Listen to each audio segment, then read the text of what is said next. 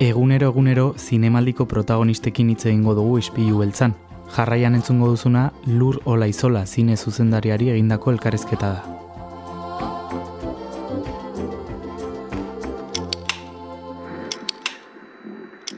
Iruditzen zaita askotan historia kontatzen direnean iraganari buruz, ez daukagula inbeste pertsonetara iristeko aukerarik. Baizik eta askotan e, pertsonaiak edo mitoak edo ez e, klitxeak direla e, ditugunak eskura. Ispilu beltza. Donostiako kulturaren berri, Oier Arantzabal eta Kristina Tapia Buizirekin. Zinemaldian barneratuta gaude hemen e, e, krisek esaten duen bezala sotoan, baina sotoa handi batean sartuta kursalean, eta eta filmak ikusten eta filmetako protagonistekin izketan, Kris, gaur ere ala egin behar dugu.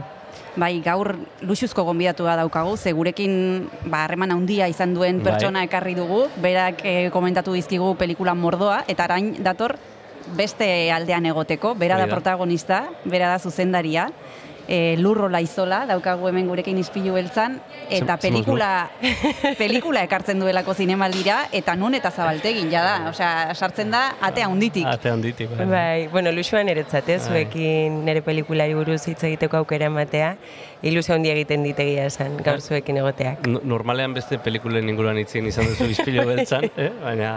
Ikusiko dugu, eh? agian hobean ez besteen pelikule buruz hitz egiten neriaz baino, eh? bueno, bueno, orengoz, eh, seguro elkarrezeta asko dauzkazula egiteko, oraindik? Ba, begira, etzo gintziaten lehenengoa. Baina zuena bigarrena da. Beraz, nahiko freska harrapatzen hau zuen oraindik. Ah. Gero, hemendik egun batzutara zentxaziukiko zu beti berdina esaten zuen. Seguro, seguro. Da ginen asmatzen nazten naiz, ez? bueno. Bueno, eh, guazen hitz egitera pelikulari buruz, gero galdetuko diogu lurrola itzolari nola sentitzen den, e, beste aldean egoteagatik. E, bueno, irugarren kuadernoa da ekarri duzun proiektua, e, kontatu iguzu pikin bat, zer buruz den, e, zer kontatu nahi izun historia honetan?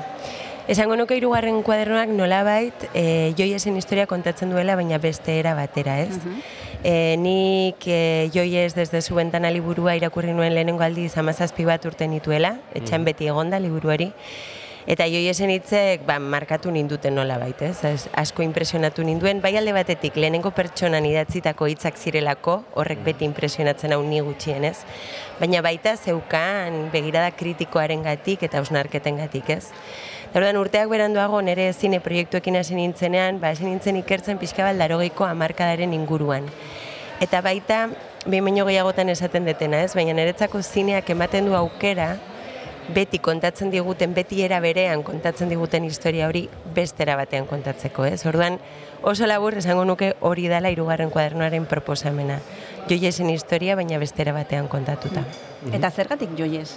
Ze harreman izan duzuzuk e, bere historiarekin, pertsonaiarekin, mm, noiztik daukazu gordeta memorian mm, joiesen e, historia? Ezakit, e, Bueno, alde batetik komentatu dizuean bezala, ba, oso gazten nintzela irakurri nituelako bere egunerokoak, ez? Eta horrek asko markatu ninduelako, baina beste alde batetik dakizuen bezala, ba, joiesen historia konbentzionalki kontatzen den bezala, nolabait asko markatu du hemengo historia ere, ez? Nik uste dut e, etak mila bederatzen dut gaita zeian joies hil zuen momentuan, jendearen, jende askoren jarrera etarekiko aldatu zela. Jende askori ez hitzaion gustatzen. Mm e, e, ilketa hori ez. Orduan, mm, bai iruditzen zaidala oso figura garrantzitsua gure historian. Aldi berean ere, niretzako joiez interesgarria zen, ze askotan, eta joiezek berak bere egunerokoetan askotan aipatzen du, nola bihurtu den pertsonai bat, mm ez? Eta niretzako hori ere nahiko mm, obsesionatzen nauen gai bat da, zeruditzen zaita askotan, historia kontatzen direnean iraganari buruz, ez daukagula inbeste pertsonetara iristeko aukerarik. Baizik eta askotan e, pertsonaiak edo mitoak edo ez e, klitxeak direla e, ditugunak eskura. Eta ordan oso interesgarria iruditzen zitzen nola bait, joies bat aurkestean non ez den pertsonaia hori edo mito hori edo eroia edo traidorea, ez? Baizik eta esatea, bueno, eta nun dago bera pertsona bezala. Eta klaro, horretara hurbiltzeko ba ez daude bere eguneroko hitzak baino medio berik, ez? Solitasunen alde indezu apustu, ez? E, e, eta esan dezagun pixua testuak hartu duela, ez? E, pelikulan zergatik. Bueno, ba, alde batetik, e, claro, nek galdetzen nion ere buruari, ez? Nola ekarri orainera iraganeko emakume bat ja ez dagoela, hilda dagoela. Bueno, ba, gelditzen zaizkigunak dira bere hitzak. ez? Lehenengo pertsonan dauden hitz horiek. Horregatik niretzako bere hitzak dira nire pelikulako protagonistak. Egunerokoan e, kontatzen dituen hitzak, ez? Edo idazten dituen hitzak eta badaukate zera intimo hori, ez? Lehenengo personan daudelako kontatuak, baina gero gainera asko irikitzen delako. Bueno, neri egia esan aukeraketa bat egin nuen, ez? E, zatien aukeraketa bat egin nuen gidoia idazterakoan eta, bueno, askotan irakurri nuen egunerokoa, baina azkenan agian gehien gustatzen zaizkidan zatiak dira, zu komentatzen dezun intimoenak, ez? Bai hilekoari buruz hitz egiten duenean. Edo badago zati bat niri pila gustatzen zaidala esaten du, me apetece fumar, pero no sé ni qué, ez? Batean, osea, eta hor konektatzen dezune ustez, pertsona bezala, seguk ere hilekoa daukagu, ni erretzaia naiz, ez? Osea, Eta, eta nola komentatzen duen ere los chicos, ez? E, etako, etako bai. iparraldean dauden etakoak, hmm. ez? Bai. Hitz egiten du como los chicos. Bai. Se van a enfadar los chicos. Bai, bai. Hmm. Bai. Bai, amatasunari buruz ere refleksio sakonak ditu. Bueno, ean bat gai berarekin lotzen gaituenak e, askori, beste modu batera, hori zuk esan bezala, e, geneukan pertsonaia bat e, bezala. Hori da. Hori da, bai, bai, dudari gabe nire ustez ere amatasunari buruzko hausnarketa oso interesgarria da, ze gainera berak hor jartzen du, ba, ni adibidez ere kezkatzen dauten gaietako bat, ez, dela, ama izan nahiko nuke, presnago ez, baina nola egingo dut aurrera nere karrerarekin. Mm. ez, soziologia ikasi zuen berak Mexikon, momentu horretan ikasten jarraitu nahi zuen, e, karreraren bukaerako proiektua gelditzen zitzaion, ez, eta nola konpaginatzen duzu amatasuna zure karreraren evoluzioarekin, ez? Mm E, Iruditu zaizu lur, ezaguna zaizu gure bizioa zein da, eta da bestiak eskatzea. Eh, ez nentorren prest. Ez, bueno. Bueno, ba. zula zaize, aurreko elkarrizketan eskatu digute despetxa. Orduan, hortik ah, aurrera... Eh, zuna, zuna, okeratu Libre sentitu. Bai.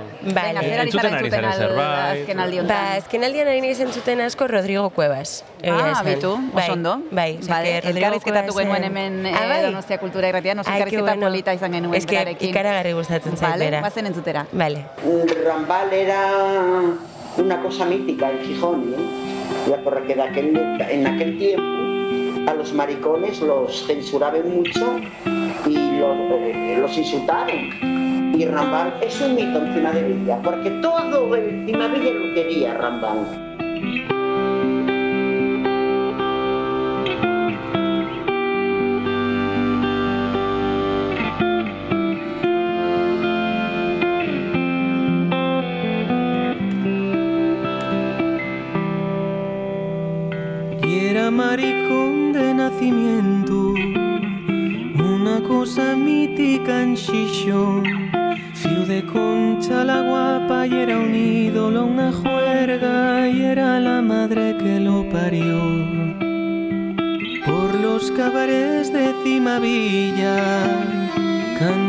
Feliz por Marifé de los playos y tal cosa se paseara por barrio tan popular alguna vez.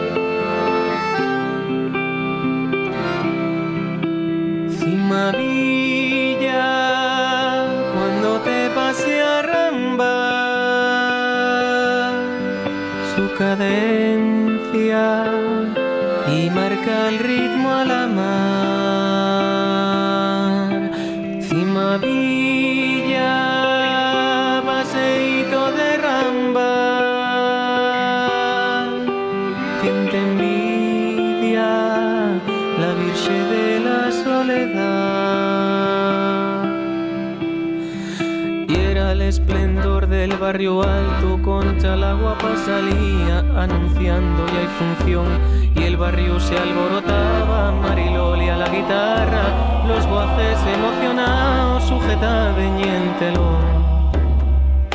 Que al abrir había una gran pamela, tras la cual se escondía Rambal. La tarábica y aplaude cara a Cristo, se escojona ante tal ostentación de libertad. Libertad, rambal, libertad, bien te ama. Libertad,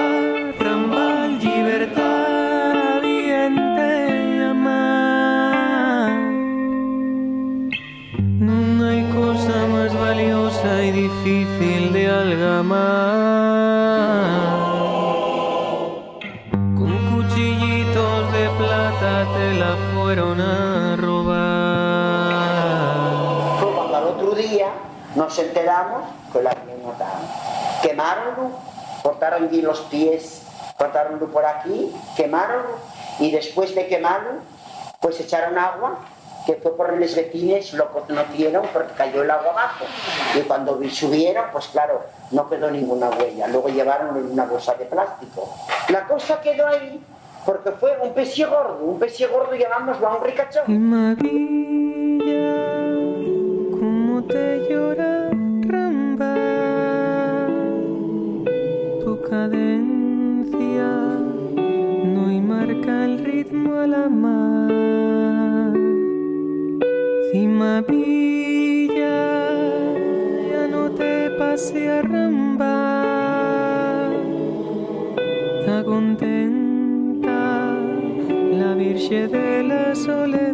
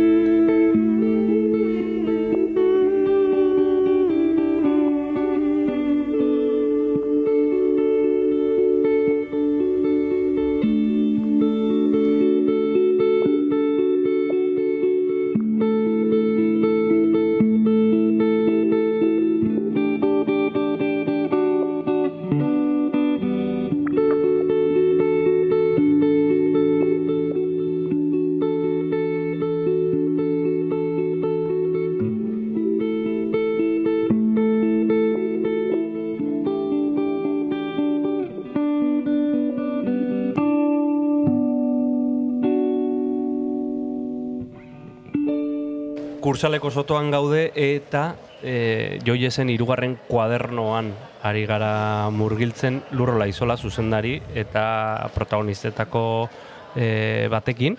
Eta ari ginen aipatzen mm, pelikularen soltasuna, ez? E, aipatu nahi nuen bai- baita ere Maili Barberren eskua. E, Soltasun horretan hasieran oso plano itxiekin azten zarete, ez? Eta gero bapatean pixkat irikitzen da. E, nola, en, nundik enfokatu zenuten e, autu hori? Bueno, e, pelikularen dispositiboak erreferente argi bat dauka. Dele Marguerite Durasen Le Camion pelikula. e, Le Camion pelikulan Marguerite Duras eta Gerard Depardia saltzen dira gidoi baten irakurketa egiten. Osea, kopiatu diot. bueno, haizu. haizu. Bueno, jakin behar da kopiatzen, eh? Eta, eta kopiatzea e, aitortuz hori da artea da, ez? bai, bai, bai, niri, gut, oza, niri gutxienez gustatzen zait, iruditzen zaidan ez inork ez dugula ezer zerotik asmatzen beti direla ditugune referentziak zitak, ba ondo dago, argi eta garbi ikustea, ba nik margarituraz. Orduan, hori izan zen, hasieratik garbi neukan gauza bat, ez? Osea, disposituaren soiltasuna. Baina aldi berean nik bai em, beste elementu bat gehitu nahi izan niola, pelikulari eta izan zen, e, pelikula ikusten ari gean enean, elkarrizketa aurrera doan enean, iluntasun eruntz goaz. Ere, Argia galtzen doa, ez? Oa, ilun, bai, badoa pixkanaka, pixkanaka, geroz eta argi gutxigo egoten, zeneretzako ideia, zuk lehen aipatu dituzu joiesen hitzak horrekin gelditzen gehala, niretzako zen pixka bat esatea, bueno, ezinezkoa da dagoeneko ez dagoen pertsona bat orainera ekartzea. Bueno, bagian gelditu bargea, erabat beltzean, eta er, bere hitzak entzuten, ez? Horregatik ere iluntasun eruntz ariketa hori. Ez gara erabat beltzean gelditzen, baina bueno, hortik doa, ez? Pixka bat ideia. Mhm. Pelikulan beste elementu garrantzitsu bat da aktorea bera, eta ez zu, e, parean daukazun emakumea, Ana Torrent, e, joiesen pentsatzen dugunean, batez ere bere aurpegia etortzen zaigu burura. Eta ezakit nola konbentzitu duzun e, proiektuan parte hartzeko, nola izan da berakin e, lan egitea, Bai, ba, hori ere oso garbi neukan hasieratik, ez? E, e, zu komentatzen duzun bezala, Kristina, e, joi ez aipatzen diozunen jendeari, nire ustez jendeari datorkion aurpegia da Ana Torrenten aurpegia.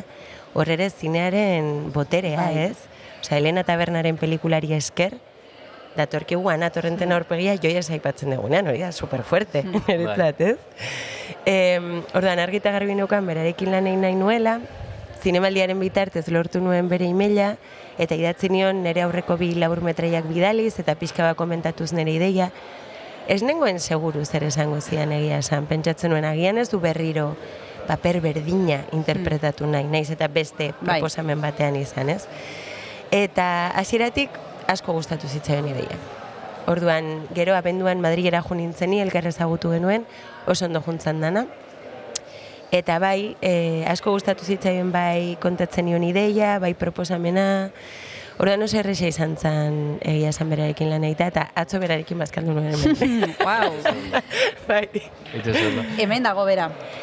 Bueno, hemen dago Victor Iriarteren pelikula grabatzen orain. Begira. ados, Bai, baina ezingo da estrenora etorri igandean. Ah, Eta pena bueno. handia ematen digu bioi, egia Bueno, esan. bueno, Bai. E, lurretazu, e, aktore bezala, lehenen, lehenengo aldiz esan diguzu e, Lehenengo eta azkena. azkena izango dela. Nik uste dut baiet. Nola, nola sentitu zea kamararen aurrean? Ba, beira, zalantza handia auki nuen egia esan ni kameraren aurrean jartzeko, ze ez zait gustatzen kameraren aurrean egotea. Kontua zen aldi berean, eta egon nintzen pentsatzen ze aktorek egin zezaken nire papera, eh? Osa, banituen hor kandidata batzuk. Ja, karo, aldi berean oso arraro egiten zitzaidan norbaitek nire burua interpretatzea. Osea, e, ez zeukan, proiekturako ez zeukan zentzurik. Gainera baita nik asko jokatzen deterako fikzio eta errealitatearen artean, ez? Eta orduan, zentzu gehiago zeukan ni izateak. Orduan, bueno, pues, pues hausartu nintzen, egin nuen, nerviak pasan nituen, eta hori bimeño gehiagotan esan dut, baina ez bakarrik kamararen aurrean nengoelako, baizik eta Ana Torrenten aurrean nengoelako. Bai. Batez ere hori nire kasuan. Bai, bai, ez? Horrelako aktorea, Bai. eta nik ez detela bizitza osan ez zer egin, eta bera aurrean eseri, eta Ba- Baina biak ere zeuen papera egiten. Hori da. Zeuen buruaren papera. Hori da, hori da. Claro, horregatik zeukan zentzu gehiago ez, ni izateak. Bestela bapatean, beste aktore bat izango balitz, ja etzan zu komentatzen duzun soiltasun hori, bueno, aktore bat eta zuzendari bat, baina benetako aktore bat eta benetako zuzendari bat, ez? Bueno, eta zinemaldiko hautespen batzordeari gustatu zaio proiektua, e, aukeratua izan da zabaltegin egoteko, hasieran esan dugun bezala ate handitik sartzen zara, e, lur, nik ezakit e, nola izan zen momentura, non deitzen dizuten, email bat bidaltzen dizuten, eta esate dizute proiektu honekin zabaltegira. Ze pentsatu zenuen? Bueno, pues kriston ilusioa egin zidan. Ez que, claro, niretzako, badakit topikoa dela eta ez dut hau gehiagi esan nahi, baina ez que niretzako zinemaldia izan da beti, nik zinearekin daukadan harremana sortu duen lekua, ez? Ni hemengoa izan da urtero etorri naiz txiki txikitatik, orduan niretzako zabaltegin egotea mm, amets bat zan. Orduan, claro, dei hori izan zen, ba, bueno, kolgatzen dezula, mm, lasaitasun bat interpretatuz, eta bain koltak, e, kolgatzen dezula da... kriston poza, kriston poza benetan. Eta bai. behin pausu hau eh, eman duzula proiektuarekin, Bai. pentsatzen duzu burutik pasatzen zaizu irabazi dezakezula saria?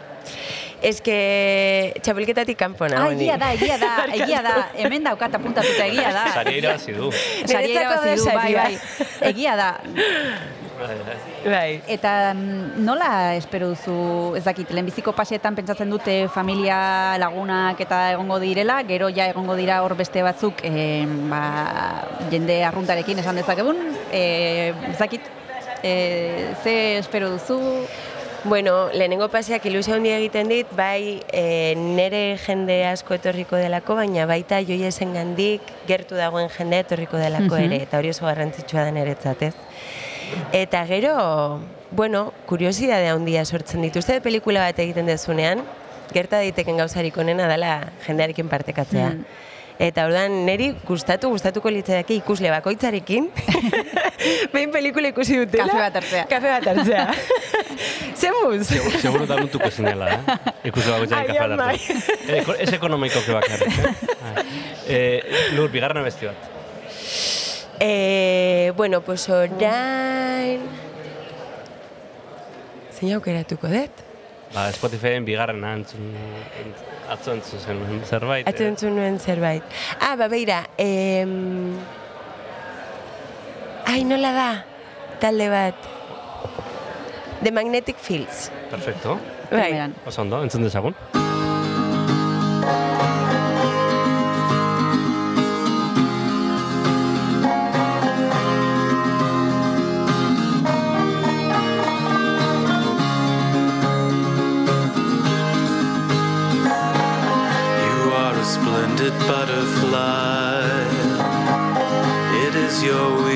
Make you beautiful.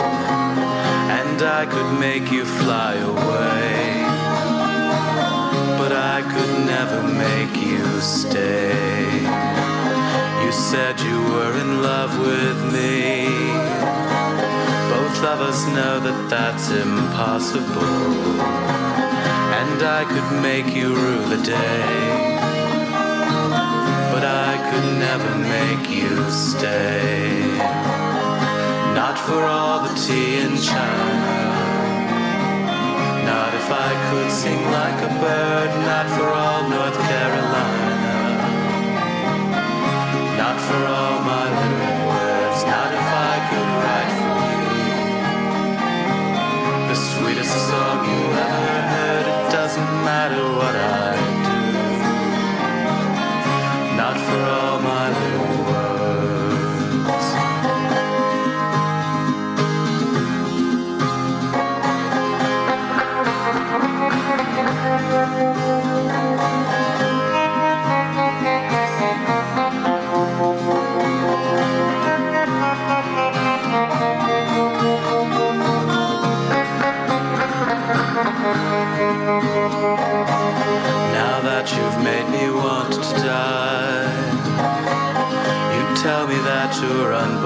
unboyfriendable, and I could make you pay and pay, but I could never make you stay. Not for all the tea in China. Not if I could sing like a bird, not for all North Carolina. Not for all my little words, not if I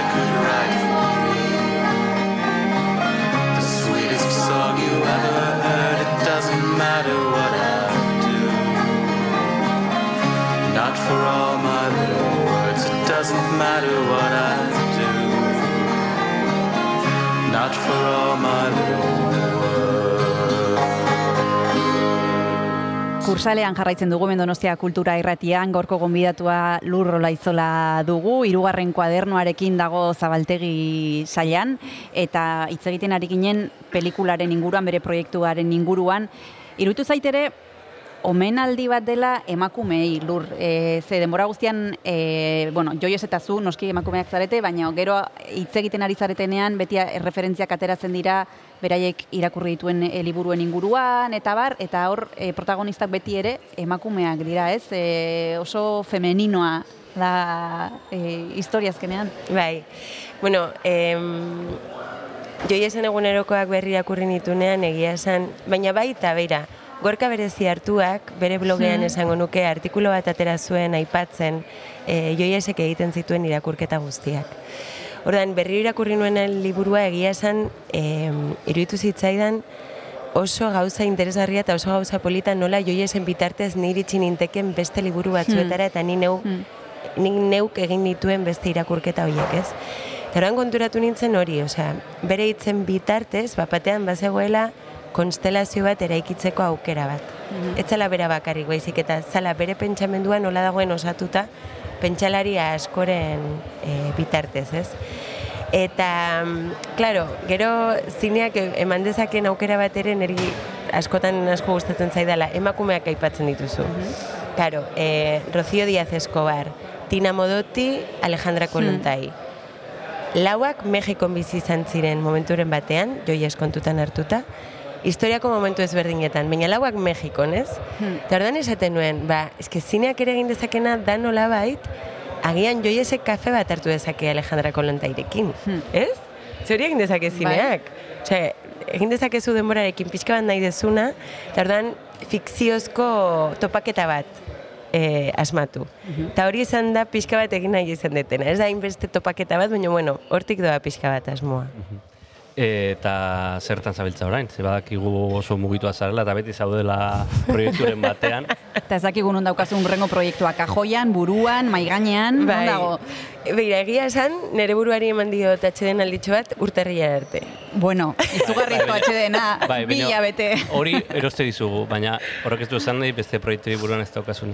Bai, bueno, justu orain dela pare bat azte do, rodaje txiki bat genuen Mariluz Esteban antropologarekin, mm. eta Andrez Zarraren manifestuaren irakurketa baten inguruan egingo dugu pieza txikitxo bat. Baina, bueno, ez da horrelako proiektu handi. Proiektu handia urtarrietik aurrera. Vale. ah, orduan proiektu handia badago. Egongo da. Uh, bueno, bueno, bueno. Ez digu kontatuko, baina. Ez digu kontatuko, baina datorren urtean igual ez, baina urrengoan hemen izango dugu beste sailo batean. Agian bai. Agian bai. Zuzendari berria, saio ofiziala. No, edo beste jaialdi batean, Kan, Berlin.